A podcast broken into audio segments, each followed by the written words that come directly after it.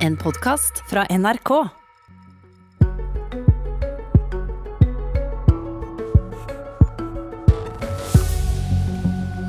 Står eh, Dagens Næringsliv og politiske kommentatorer i hovedstaden bak en radikal og ytterliggående kultur? Eller eh, er det Nordlys som prøver å fortelle en konspiratorisk historie om Oslo-eliten? By står mot land, hovedstad mot Tromsø i dagens Politiske kvarter.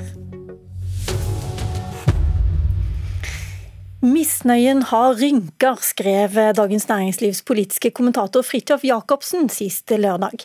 Han viste til at folk som stemmer Senterpartiet og Frp ofte er godt voksne, de gamle er eldst og mest misfornøyd med tingenes tilstand, skrev han og fikk et kraftig svar fra deg, Skjalg Fjellheim, du er kommentator i avisa Nordlys.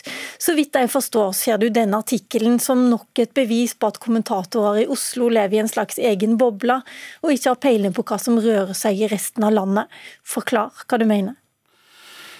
Ja, så Hvis vi legger til grunn at, at Fridtjof Jacobsen har kilder eh, når han skriver denne kommentaren der han da sånn som jeg ser det, stempler de store velgevandringene i Norge i dag som et uttrykk for et slags eh, geriatrisk fenomen, så, så, er jeg ganske bekymra fordi det forteller en historie om en kommentator, en politisk redaktør, som ikke forstår Norge, eh, og som ikke har klart å fange opp hva som er grunnen til protesten og misnøyen eh, ute i det norske samfunnet i dag. Og Jeg er dessverre redd for at dette er et uttrykk for tanker som sirkulerer i eh, en krets i hovedstaden blant politikere og, og politiske journalister. Du skriver faktisk at dette er uttrykk for den radikale og ytterliggående politiske kulturen som er under oppseiling i Oslo, og som viser den enorme avstanden til resten av Norge. Hva mener du med det? Det er knytta til flere ting. Det, altså, hvis vi nå tar først denne saken med, med forståelsen av, av, der man forsøker å, å isolere eh, misnøye i norsk politikk og samfunnsliv eh, i dag til et spørsmål om alder. Da har man misforstått fullstendig. For De siste målingene rundt omkring i Norge, Innlandet, Trøndelag, Nord-Norge, viser jo at det er i aldersgruppen 30 45 år at Senterpartiet står sterkest. Så Det tyder jo på at man har da ikke klart i Dagens Næringsliv å å legge den riktige analysen til grunn. Men eh, dette med, med, en radikal politisk kultur handler jo bl.a. også om avstand mellom eh, hovedstaden og resten av Norge når det gjelder f.eks. For forståelsen av denne oljeskatten som Stortinget, disse skatteordningene for, stort, for oljenæringa som Stortinget vedtok tidligere i år. Det gjelder eh, skatt på havbruksnæringa, såkalt ressursrenteskatt.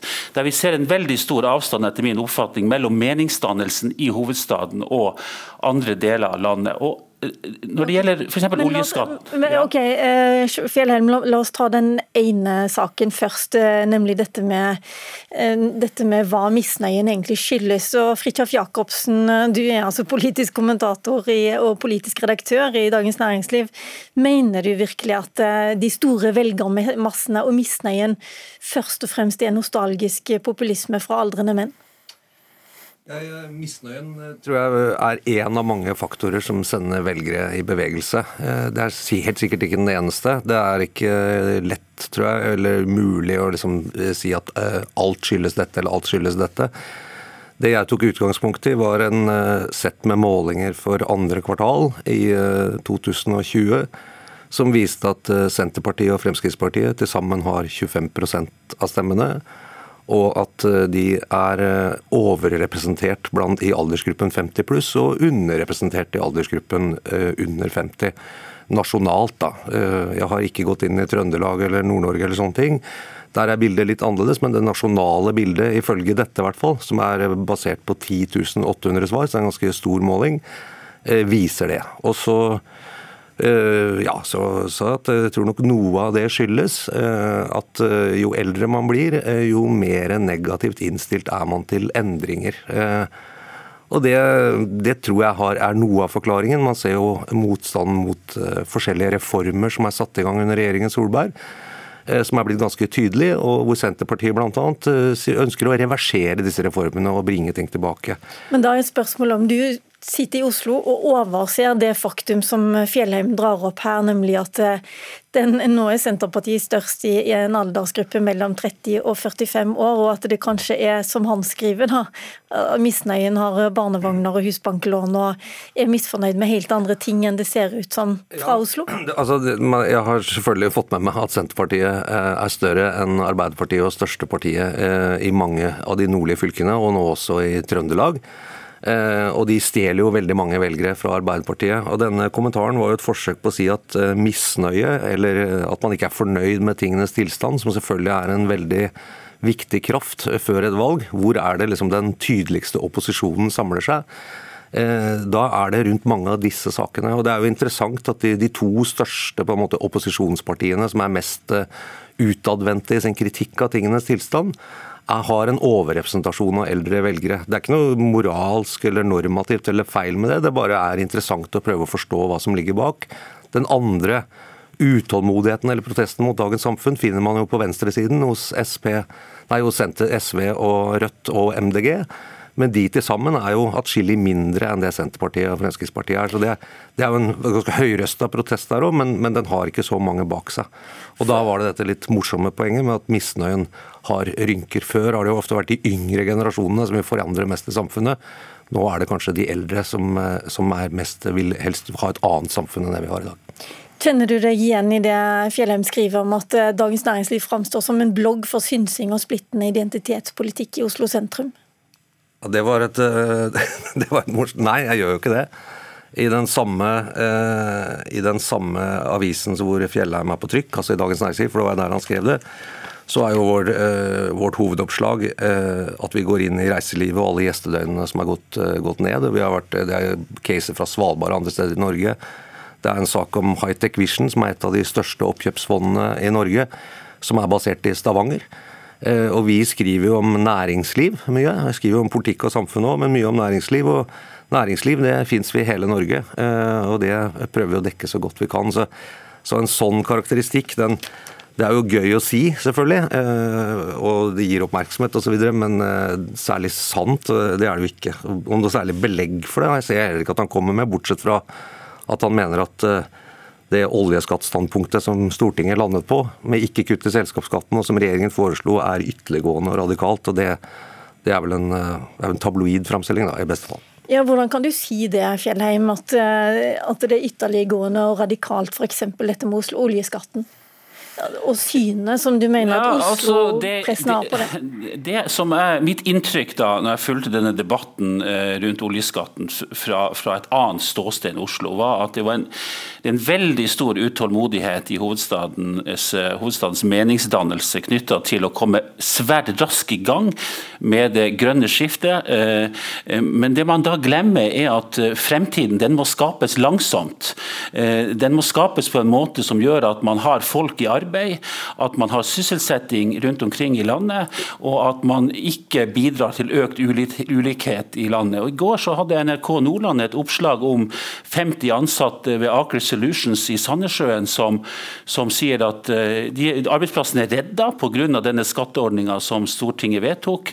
Og Da blir det jo litt sært da, når Dagens Næringsliv eh, ga inntrykk underveis i denne debatten av at det nærmest var feil type arbeidsplasser som ble reddet i den norske leverandørindustrien. Og Det er jo veldig sært fra en avis som skal være et, et, en avis som skal speile finans og industri og næringsliv over hele landet, når man vet hvor mange som er avhengig av denne oljenæringa langs kysten i Norge. Men La oss prøve å heve oss litt over akkurat Dagens Næringsliv. Du mener vel at det er flere enn Dagens Næringsliv også, at problemet er videre enn som så? Ja, og jeg syns at meningsdannelsen i Oslo har fått en blind flekk i samfunnsforståelsen sin, og dette er et demokratisk problem for Norge. For vi skal huske på at uh, når mediene lever eh, lengre og lengre fra de livene som folk lever, så oppstår det en, en, en bred kløft i forståelsen av Norge. Okay, hvis du legger vekk litt akkurat din jobb i Dagens Næringsliv og tar på deg hatten som Oslo-kommentator, eh, Jacobsen, føler du deg litt truffet. At man eh, sitter litt lenge i denne Oslo-bobla uten å dra ut, og f.eks. kjenne på kroppen eh, hvordan det er for de som mister arbeidsplassen sin i olje, oljenæringen. Ja, jeg tror Hvis man er kommentator eller journalist og, og ikke tror at man har skjønt alt, og, at alt faller på plass, så er det klart at man hele tiden tenker at det er mye man ikke vet, og som man gjerne skulle fått tak i. Eh, er det et det... mer utbredt problem fra Oslo enn fra Tromsø, tror du? Nei, det tror jeg faktisk ikke. Ikke i hvert fall med denne debatten som utgangspunkt. Så er vel kanskje bastantheten om hvordan alt henger sammen eh, vel så høy i nord som den er i Oslo, kan man si.